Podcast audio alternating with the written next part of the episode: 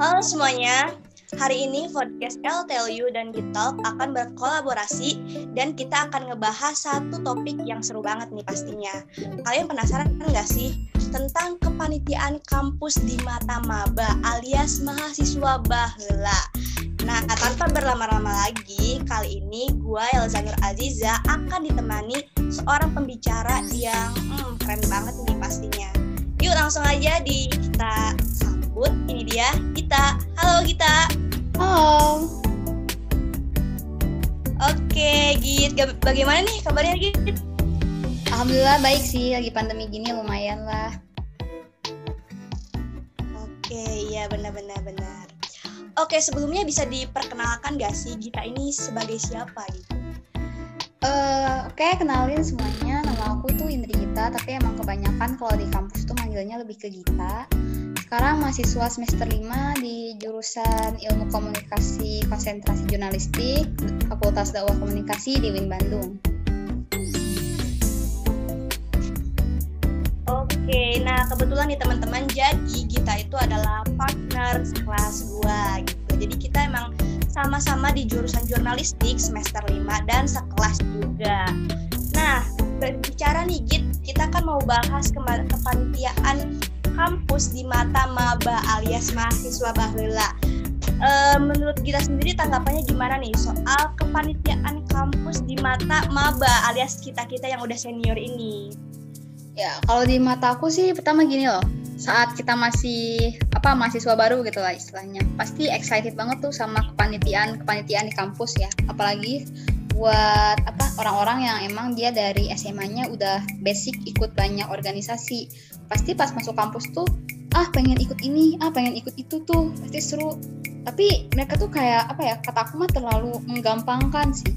Karena pas kita lihat sekarang, kepanitiaan di kampus tuh beda jauh banget sama kepanitiaan di SMA kita gitu loh Za benar-benar benar-benar banget gitu jadi emang kepanitiaan di kampus tuh beda banget sama uh, eskul eskul gitu ya yang ada di sekolahan formal biasanya. Nah gue juga gitu nih kayak pas masuk mahasiswa baru karena nggak tahu apa-apa dan kayak wah kayaknya seru banget nih kalau gue cobain ini itu dan hal-hal lain yang ada di kampus. Nah gue mau nanya nih Git selama kurang lebih kita udah dua tahun dua tahun. dua tahun ya kuliah. Ya. Oke dua tahun ini pengalaman apa aja sih yang pernah diikutin dalam panitiaan selama dua tahun ini? Selama dua tahun ini sih yang inget tuh pas semester 2 ikut kepanitiaan ospek jurusan. Waktu itu masuk bidang konsumsi. Habis itu pernah ikut juga apa sih itu kayak acara futsal gitu antar SMA tapi dibikin sama pihak kampus. Eh pihak jurusan maksudnya sama. Abis itu ikut lupa ya lupa. Soalnya emang kayak dulu-dulu tuh ikut ini ikut itu tuh ya ikut-ikut aja gitu. Oke oke oke. Jadi emang kayak nggak ada apa ya maksudnya kayak tujuan yang jelas gitu kayak oh gue pengen cobain aja nih gitu. Hmm, lebih ke tiap ada pertanyaan tuh kan buat mendaftar sebagai panitia itu sih tanyain apa sih e, motivasi kamu buat ikut panitian ini? Ya pasti rata-rata ngejawab pengen nyari pengalaman lah. Dia enggak sih iya iya benar-benar karena emang kita kan e, basicnya dari sekolahan dan kita benar-benar nggak tahu gitu kan pas masuk kampus wah beda banget nih kulturnya gitu kebiasaannya jadi emang gue juga kadang gitu kayak masuk ini pengen cari pengalaman gimana sih rasanya gitu atau gimana sih situasinya dan lain sebagainya. Nah, tapi gue ngerasa kayak kita banyak masuk ke penelitian di kampus malah jadi berbenturan gitu ya dengan kegiatan kuliah gitu. Karena kan tujuan utama kita kuliah tapi dengan kita masuk organisasi di kampus nih kayak atau kepanitiaan wah itu kayak bentrok banget nih.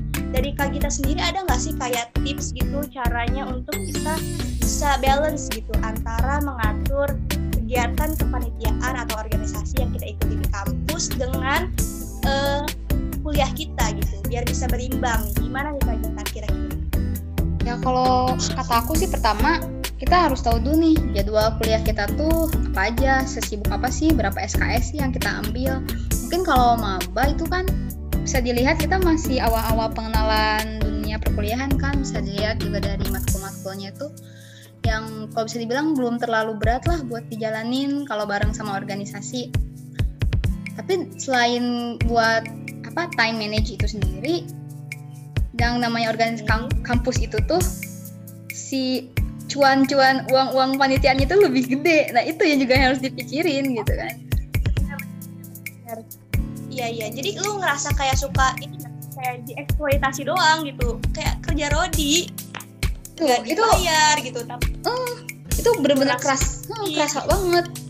Kayak tenaga dikuras kan dompet dikuras pikiran dikuras.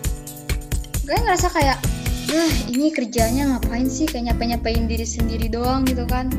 Apalagi yang namanya kepanitiaan itu, satu kepanitiaan itu kita bisa habis berapa ratus loh kan. Pertama, belum bayar kas. Belum kalau itu acaranya tuh panitia harus bikin kaos yang sama. Belum juga kalau misal ada dana yang tekor, ya otomatis panitia yang bakal dimintain buat nalangin dana-dana itu.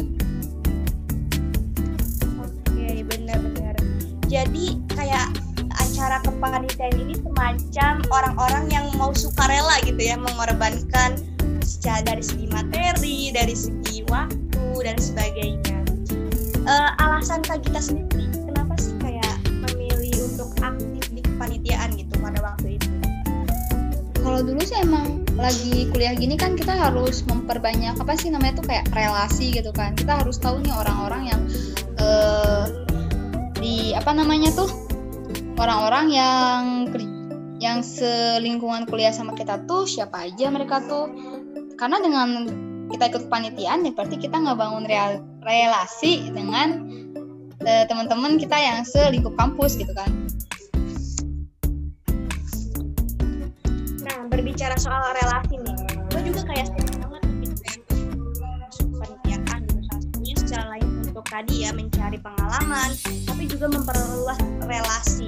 Alhasil setelah gue masuk berbagai kepanitiaan ya kayak relasinya tuh ya gitu-gitu aja gitu. Karena rata-rata kita aktif ketika oh gue pas ke, ke bidang gitu terus diskusi doang pas udah kepanitiaan selesai ya udah gitu. Kita nggak uh, aktif lagi gitu. Maksudnya kayak uh, hubungan atau komunikasi itu jadi biasa aja gitu kayak cuma sekedar kenal tapi nggak akrab. Nah caranya gimana nih selain memperluas relasi itu dari kepanitiaan ini gitu? Nah yang pasti pas kalau kamu misal maba nih baru bener masuk di ke apa namanya lingkungan kampus.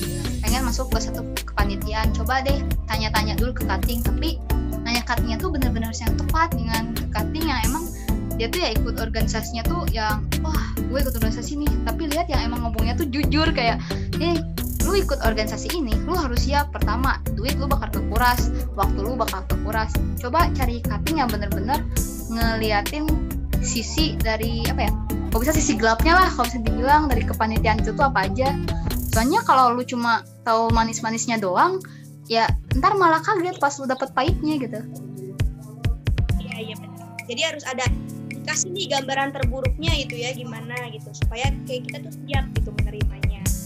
Mm -mm. agak sulit juga ya mencari orang gitu. Nah. Oke oke benar benar benar. Nah karena kan gue juga ngerasa gitu ya pas maba tuh benar-benar gak tahu apa-apa nih tentang dunia kampus dan gak ada yang lain macam. Akhirnya gitu kan banyak kan gitu banyak gue tapi gue juga pernah ngalamin gitu. Atau maba-maba yang lain nih kayak pas mereka masuk kampus pasti semangat banget ikut ini itu dan akhirnya semester berapa dia baru ngerasain gitu kan di keduanya nggak ada dan malah menguras tenaga gua materi gua dan segala macam. Dan mungkin tadi ya itu tips dari kak Gita untuk kita menanyakan dulu nih ke cutting gitu ya sebelum kita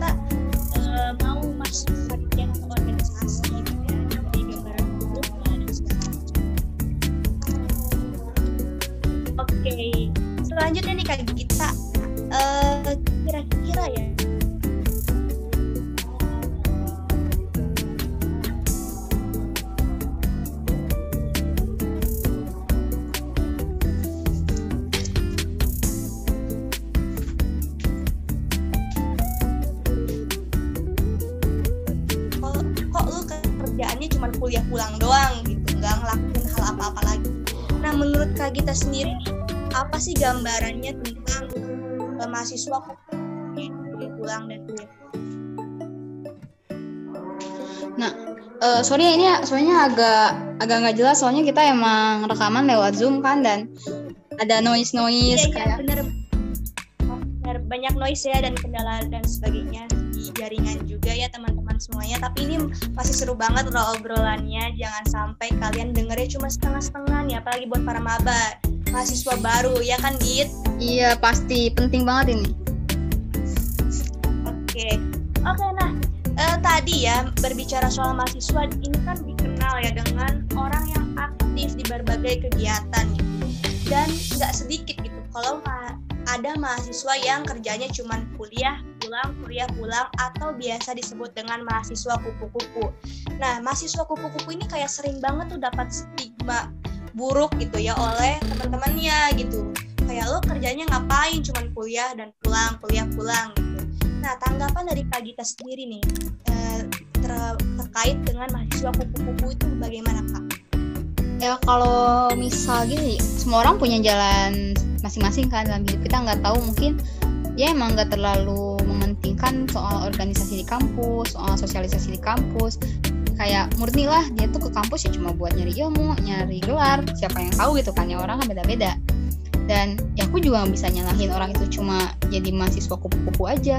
Karena keuntungan dari mahasiswa kupu-kupu ya mungkin dia lebih fokus ke kuliah pikiran dia tuh nggak terpecah-pecah ke kegiatan-kegiatan lain dan nggak yang berarti nilai dia mungkin bakal lebih bagus dari si mahasiswa kura-kura ini mahasiswa kura-kura tuh apa tuh kak? Mahasiswa kura-kura tuh ya yang kuliah rapat kuliah rapat. Nah mahasiswa kura-kura ini dia juga punya kelebihan dari si apa namanya si kegiatan ini nih.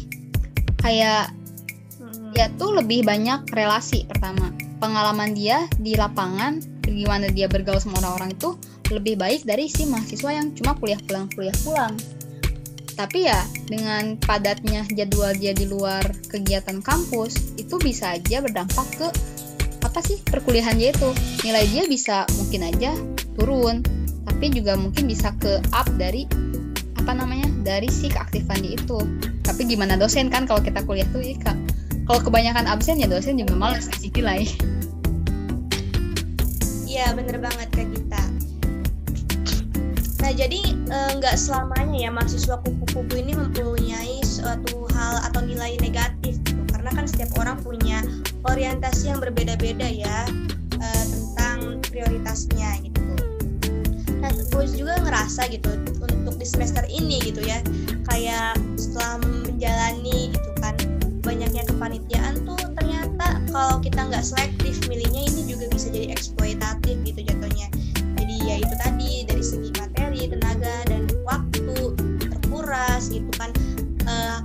feedback yang ingin kita dapatkan juga nggak dapet gitu. Jadi emang benar-benar harus pinter-pinter lagi cari um, apa kepanitiaan atau organisasi yang mau kita join nih ke dalamnya itu benar-benar harus kita ulik lagi gitu sebelum kita masuk. Karena kalau udah masuk nih kan pasti kita harus dimintai tanggung jawab kan komitmen dan nggak semua orang-orang yang ada di kepanitiaan dan organisasi itu komit. Pasti punya karakter masing-masing gitu ya. Mm-hmm. oke okay, kak Gita uh, sisi pahit apa nih selama jadi panitia yang udah pernah dirasain gitu ya? Si pahitnya itu pas yang kepanitiaan jadi itu loh yang acara futsal. Itu sisi pahit yang aku dapat itu pertama lebih ke fisik.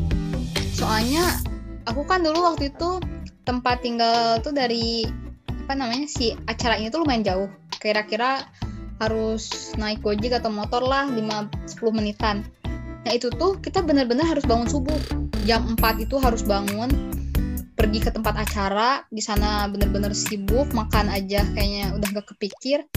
Pulang bisa hampir tengah malam pergi lagi subuh. Udah gitu aja. Fisik tuh bener-bener kayak digembor gitu buat terus aja gerak dan ya sisi pahitnya kalau kamu tipe-tipe orang yang gampang sakit ya pasti ambruk gitu kan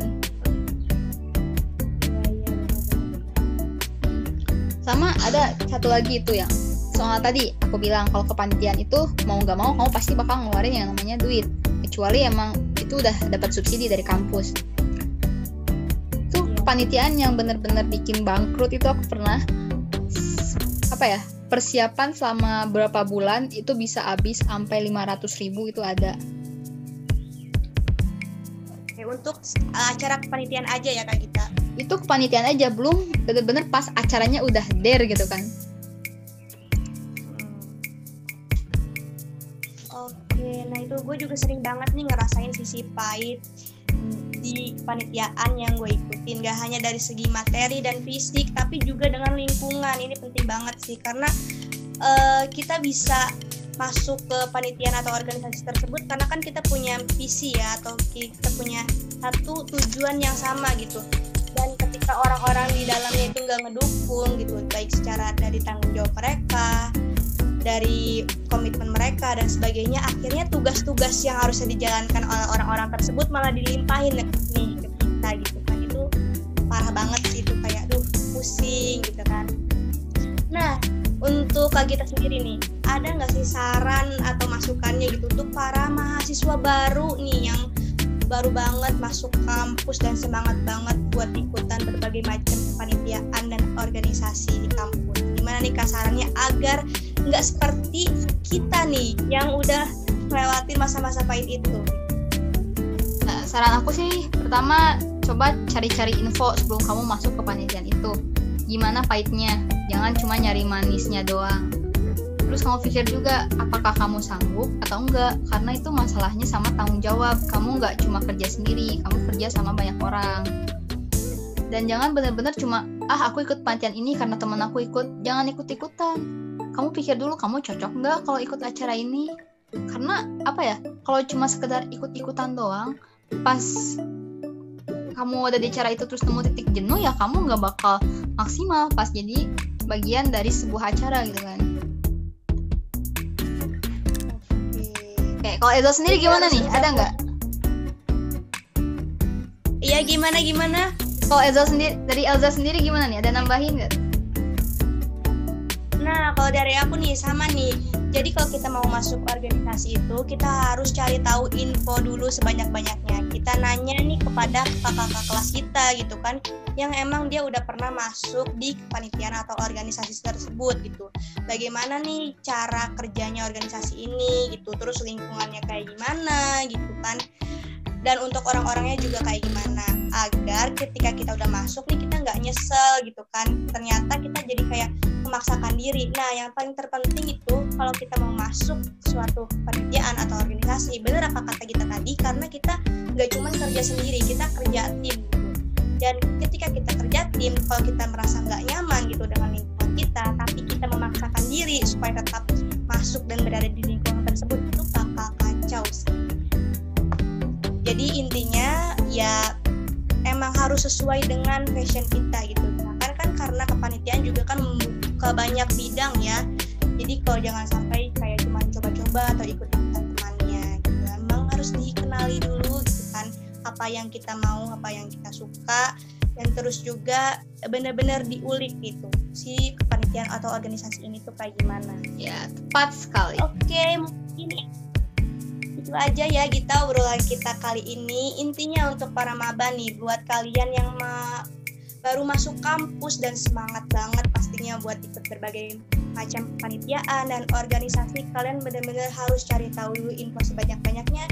Cari referensi dari kakak-kakak kelas kalian atau teman kalian yang udah ikut kepanitiaan atau organisasi tersebut. Bagaimana nih e, gambaran terburuknya gitu ya ketika kalian udah masuk dan tanggung jawab apa aja yang harus kalian ambil gitu nah gue ada satu kata-kata menarik nih karena kita tuh bisa melakukan apa aja tapi nggak semuanya Oke, mungkin sekian ya kolaborasi antara podcast Talk dan LTLU kali ini.